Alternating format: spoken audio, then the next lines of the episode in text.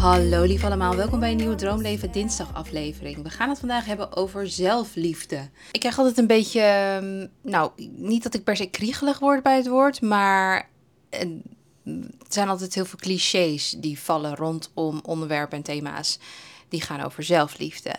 En hoewel het voor mij misschien makkelijk praten is omdat ik oprecht heel veel zelfliefde heb en ken en eigenlijk niet anders weet, zeg maar. Dus dat het echt in mij is gestopt van jongs af aan. Misschien is het daarom dat ik het zie als clichés en zo, maar hebben heel veel mensen daar zeker wat aan. Alleen ik denk ook dat ik een ander perspectief kan geven, wat ik dus wil doen in deze podcast. Want zoals ik zei, ik denk dus dat de basis gelegd kan worden in je jeugd. En dan is het denk ik een mooie om eigenlijk later in je leven op terug te vallen. Zeg maar dat wat in je, in je jeugd je wordt geleerd is uiteindelijk heel erg krachtig. Dat is gewoon de stem in je hoofd, dat zijn de woorden, de zinnen, de dingen. Die, dat is voor jou je normaalwaarde, zeg maar. Daar denk je niet eens over na, dat is gewoon wat er in je hoofd omgaat. Kan natuurlijk gaan wankelen later in je leven door bijvoorbeeld foute relaties of vrienden of Ehm, dat soort dingen. Maar in principe trek je deze helemaal niet aan, omdat ze heel anders met jou omgaan dan jij met jezelf. Ik vergelijk dat eigenlijk altijd met een rating. Stel je voor, jij praat tegen jezelf vol liefde, je verafschuwt jezelf niet, je bekritiseert jezelf niet, je vergeeft jezelf voor de fouten die je maakt, etc. Dan geef je dat een rating qua zelfliefde, zeg maar. Ik zou dat een dikke 8 of een 9 geven. Dat is zeg maar de stem in jouw hoofd. En je gaat met iemand om die jou een 6 geeft, dan vind je dat echt onaardig gedrag. Maar als je jezelf als een vijfje behandelt en diezelfde andere persoon geeft jou dus die zes, dan is dat ineens liefdevoller dan je gewend bent en voelt het fantastisch en is dat voor jou liefde.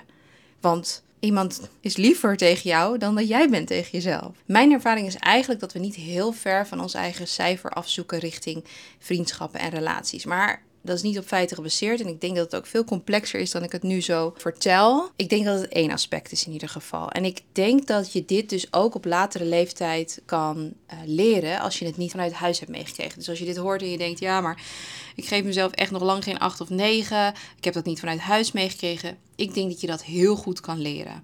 En ik denk dat dat natuurlijk meer werk en bewustzijn vergt dan wanneer je standaard vanuit huis hebt meegekregen. Voor mij was het natuurlijk dat vanuit huis uit. Ik weet niet beter. Dus een heel groot deel van mijn leven is een zegen geweest zonder dat ik dat echt door had. Ik wist niet beter en dat ik dus uh, zo tegen mijzelf praatte en zo over mezelf dacht. Ik dacht eigenlijk dat iedereen dat zo deed. En ik kan me zo voorstellen, als je het omgekeerde hebt meegemaakt, dat je dat dan weer dus als normaal bestempelt en er dus niet bij stilstaat. Laat ik even een paar voorbeelden geven van hoe het bij mij ging met de opvoeding, zodat je een idee hebt.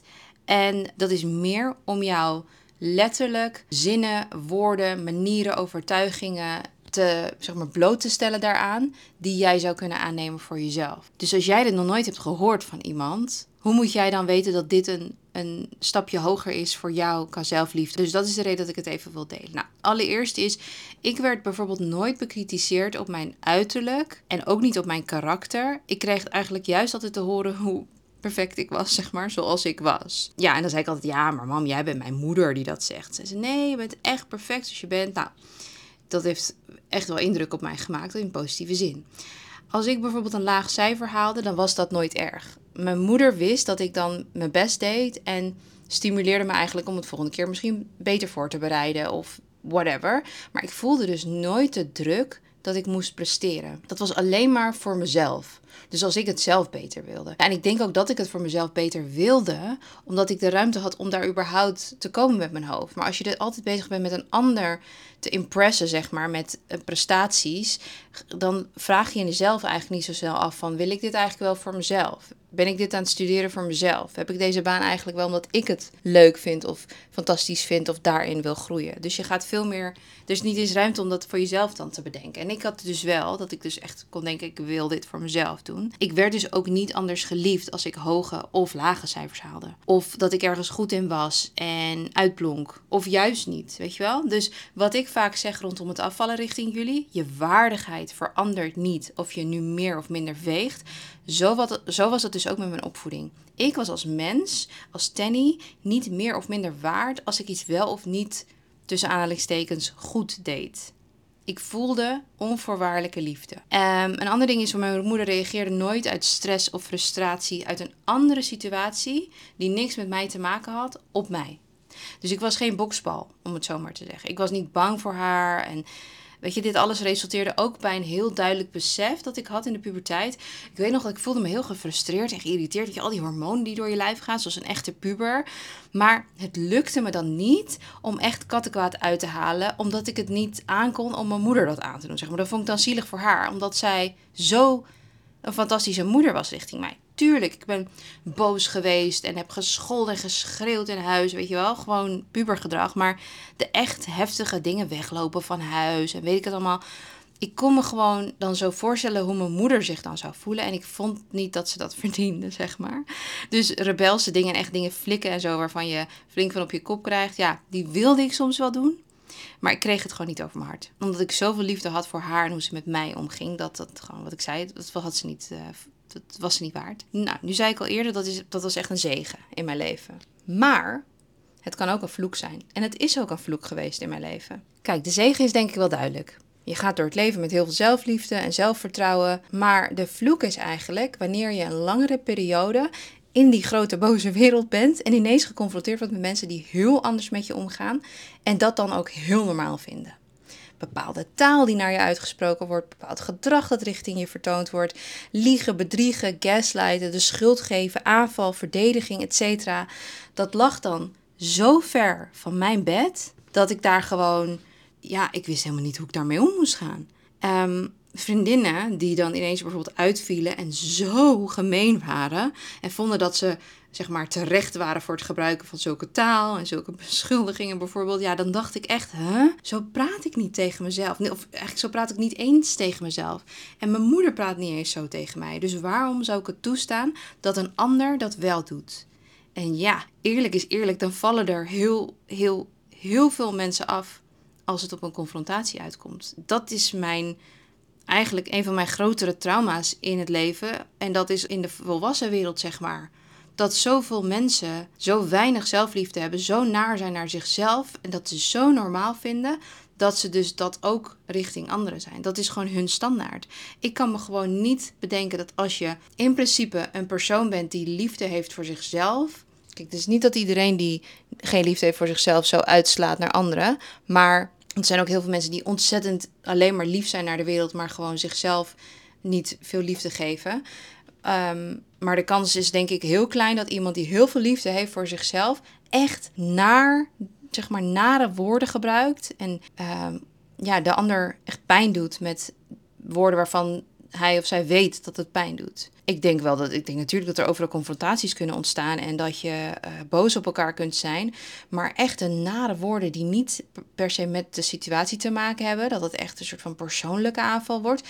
Ik kan me gewoon bijna niet voorstellen dat iemand die een gezonde portie zelfliefde heeft, dat doet naar een ander. Ik weet niet wat daar te halen valt, namelijk. Voor jezelf niet, voor de ander niet, voor de situatie niet. Dus ja, dat is een beetje wat, ik, wat, wat, wat dus mijn uh, realisatie is in de volwassen wereld. Dat er dus best wel veel mensen afvallen als het op confrontatie uitkomt. Want dan kom je er dus achter dat um, veel mensen het normaal vinden. Soms elkaar verrot schelden en daarna weer bevriend zijn. Of dat de relatie weer vordert alsof er niks is gebeurd. Oftewel, ik geef mezelf misschien een 9 of zo qua zelfliefde. En ik denk dat het gemiddelde van de wereld waar we in leven een zesje is. Dat is, dat is geen feit, dat is puur mijn perspectief. Dan kun je dus heus vriendschappen opbouwen. Maar wanneer er dus iets gebeurt waar je bijvoorbeeld niet zo chill, uh, niet zo'n chill gevoel bij hebt en dat wil bespreken, krijg je, krijg je dus wel eens te maken met aanval, verdediging, onaardige beschuldigingen. En ga zo maar door. Um, is een beetje zwart-wit gezegd, maar ik hoop dat jullie wel begrijpen wat mijn punt hierin is. Kijk, mensen weten meestal niet beter dan het normale waar ze mee zijn opgegroeid of um, zo hebben moeten overleven zelfs. Ik denk dat de meeste van mijn trauma's, zoals ik zei, in dit soort situaties liggen. Later in mijn leven en niet per se in mijn jeugd, zoals bij veel mensen wel. Um, ik heb wel een klein stappenplannetje.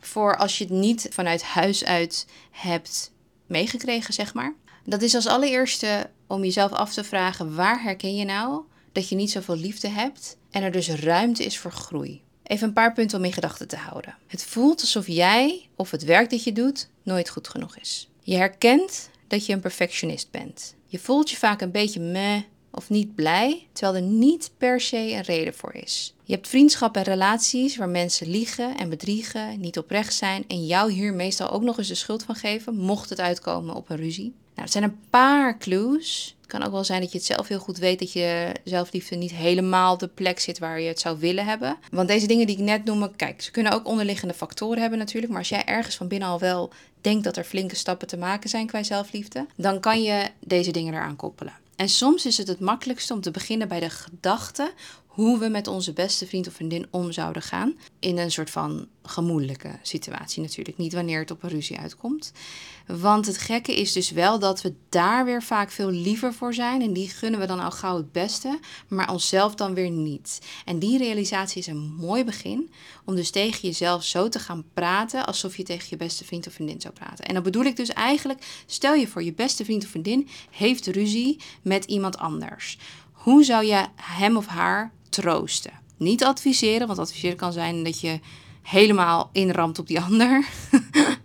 Omdat dat jouw normaalwaarde misschien is. Maar uh, troosten. Welke woorden zou je gebruiken? Zou je zeggen, je bent fantastisch en als iemand dat niet kan inzien bij jou, dan is die gek. Je bent echt geweldig en bla bla bla bla. Kan jij die woorden richting jezelf gebruiken? Of voelt dat heel ongemakkelijk? Sterker nog, kan jij voor de spiegel gaan staan en zeggen tegen jezelf dat je van jezelf houdt en dat je zo blij bent met wie je bent? Kan je dat doen? Ik weet namelijk dat heel veel mensen moeite hebben met zichzelf in de spiegel aankijken en alleen maar ik hou van je te zeggen.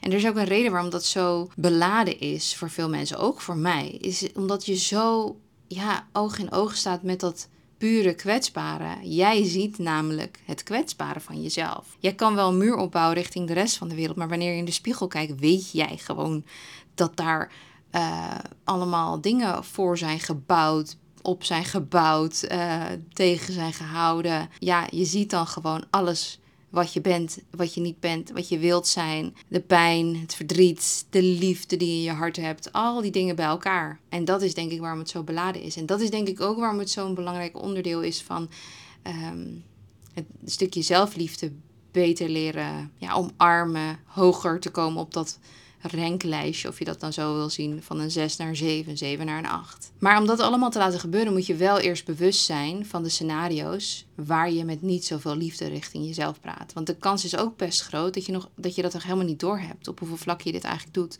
omdat het dus zo normaal voor je is. En dan helpt het dus heel erg om mensen te vinden. En gelukkig kan dat online veel makkelijker tegenwoordig. Die op een andere manier praten richting zichzelf dan jij doet. Ik vind het grappig, want ik uh, volg al een hele tijd um, zo'n meid op YouTube. Die heel veel mensen denk ik wel kennen. The Wizard Liz. Zij had een video waarin ze eigenlijk in het begin al ergens zei van... Uh, ik weet, weet je wel, ik weet dat ik knap ben. Ik weet dat ik mooi ben. Laten we er niet omheen draaien. Laten we niet doen alsof. Ik ben gewoon knap. Ze is hartstikke knap. En ik vond het zo leuk om te horen. Ik dacht, oh my god, yes. Weet je, allemaal mensen die gewoon hartstikke knap zijn, die de hele tijd, nee, ik ben niet zo knap. Of, en ik geloof ook dat heel veel dat niet echt geloven of zo. Maar er zijn genoeg mensen die het echt wel weten van zichzelf, alleen dus bescheiden willen overkomen. Want ja, als jij dat zo erkent naar jezelf en naar de omgeving, dan slaat de omgeving toe. Want die vindt dat meestal um, niet van zichzelf en daarom raken ze getriggerd. Dus ik keek even in de comments en meteen bovenaan een comment met iemand die super ongemakkelijk werd daarvan. En die ook zei van, ja, maar mooi zijn is toch subjectief en dat kan ze toch niet zomaar zeggen en bla bla bla. En iemand anders die zei, nou ja, ik vind haar ook mooi. Vind je haar ook mooi? Ja, zo ja, dan is er helemaal niks aan de hand. Dan hoef jij niet nog eens er soort van de wereld in te brengen. Mooi is subjectief, dus je kan dat niet zomaar zeggen over jezelf. Het is voor iedereen is mooi iets anders. En ja, ik snap dat het een hele mooie, mooi argument is als iemand zegt ik vind mezelf niet mooi. Maar als iemand zegt ik vind mezelf wel mooi, wat is er zo vervelend aan dat stukje liefde voor jezelf? Als dat zich niet uit in arrogantie, ik ben beter dan jij als mens. Nee, je kan jezelf gewoon mooi vinden los van alle andere mensen. Dit hoeft nooit een vergelijking te zijn. Omdat ik mooi ben, ben jij minder mooi en daardoor ben ik waardiger als mens. zo, misschien dat, dat we een soort van leren zo te denken om, om een soort van tegenover elkaar te staan, maar zo is het niet in de wereld. Tuurlijk, mooi zijn is subjectief, maar laten we beginnen met dat jij jezelf mooi gaat vinden. Ik denk dat dat een hele belangrijke is. Alleen dus het uiten daarvan, als je dat dus wel vindt, ja, dat uh, brengt de nodige projecties met zich mee. Van, van arrogantie tot narcistisch tot wat zijn er nog meer? Um, dat het dus subjectief is en dat je dat helemaal niet kan zeggen. En in ieder geval, mensen raken getriggerd. En ik snap ook dat je dus daarom dan uh, bescheiden gaat zijn. Ik weet ook nog wel eens een keer dat er zo'n Oprah-aflevering was. En er zat een model tegenover haar. En dat Oprah echt een soort van op zat te hameren van... Maar als jij in de spiegel kijkt, dan zie je toch wel dat je mooi bent. Ik kan gewoon niet geloven dat je dat niet ziet. En dat je, de, weet je, dat je zegt dat je het niet ziet of wat dan ook. En dat model die zei, ja, ik heb ook soms mijn slechte dagen en zo. En Oprah raakte heel erg gefrustreerd daarover. En ergens snap ik haar frustratie. Alleen, um, er is natuurlijk ruimte voor iedereen die dat dus niet... Die gewoon oprecht dat niet voelt. Alleen, ik snap ook dat je misschien niet, niet heel veilig voelt in een bepaalde omgeving om te zeggen: Ja, ik vind mezelf heel knap. Omdat je misschien voelt van: Oeh, de ander die is niet ontvankelijk genoeg of zo voor een mooie persoon of zo, of een mooie, mooi uiterlijk of iets. En um, dan hou je het dus liever een beetje de low, zeg maar. Goed, ik ga helemaal een andere kant op. Maar oh ja, dat is wat ik wilde zeggen. Als je dus mensen gaat volgen die dus dingen zeggen en denken die zelfliefde uitstralen, dan kan het dus zijn dat jij daar heel ongemakkelijk van wordt en dat je dat heel erg cringe vindt. Kijk maar naar hoeveel mensen eigenlijk influencers bekritiseren van, oh, moet zich weer zelf filmen, weer een foto van zichzelf, oh my god, weer een selfie. Nou en, wat heerlijk dat je gewoon met het lijf en het gezicht en alles wat je hebt meegekregen, zo hier op moeder aarde mag zijn. En dat je, daar en je, dat je dat lekker wil vastleggen. Wat heerlijk. Waarom is dat zo moeilijk voor een ander om daar een soort van getuige van te zijn? Dat is alleen maar moeilijk, omdat het onderliggend iets triggert. Dus vraag jezelf af waar je door wordt getriggerd in dat opzicht rondom zelfliefde. Dingen die jij misschien ziet als zelfingenomen of arrogant of wat dan ook het kan natuurlijk zo zijn dat, dat, dat, dat je dat ook echt vindt, maar kijk eens even wat dieper of het misschien een stukje bij jou triggert wat misschien ontwikkeling nodig heeft. Ik ben heel erg benieuwd hoe jullie hierin staan, want daarop kan ik dan voortborduren met meer content maken. Laat me weten in DM of in de comments van uh, bij Spotify kan je een comment achterlaten. Ik ben heel erg benieuwd wat jullie ervan vinden, hoe jullie erin staan qua zelfliefde en um, het cijfer wat jullie misschien geven en wa waar jullie eventueel tegenaan lopen. Ik heb heel veel zin om hier meer content over te maken en um, eigenlijk met z'n allen lekker te uplevelen. Ik wil jullie in ieder geval heel erg bedanken voor het luisteren naar deze podcast en tot volgende week bij een nieuwe Droomleven dinsdag. Doeg!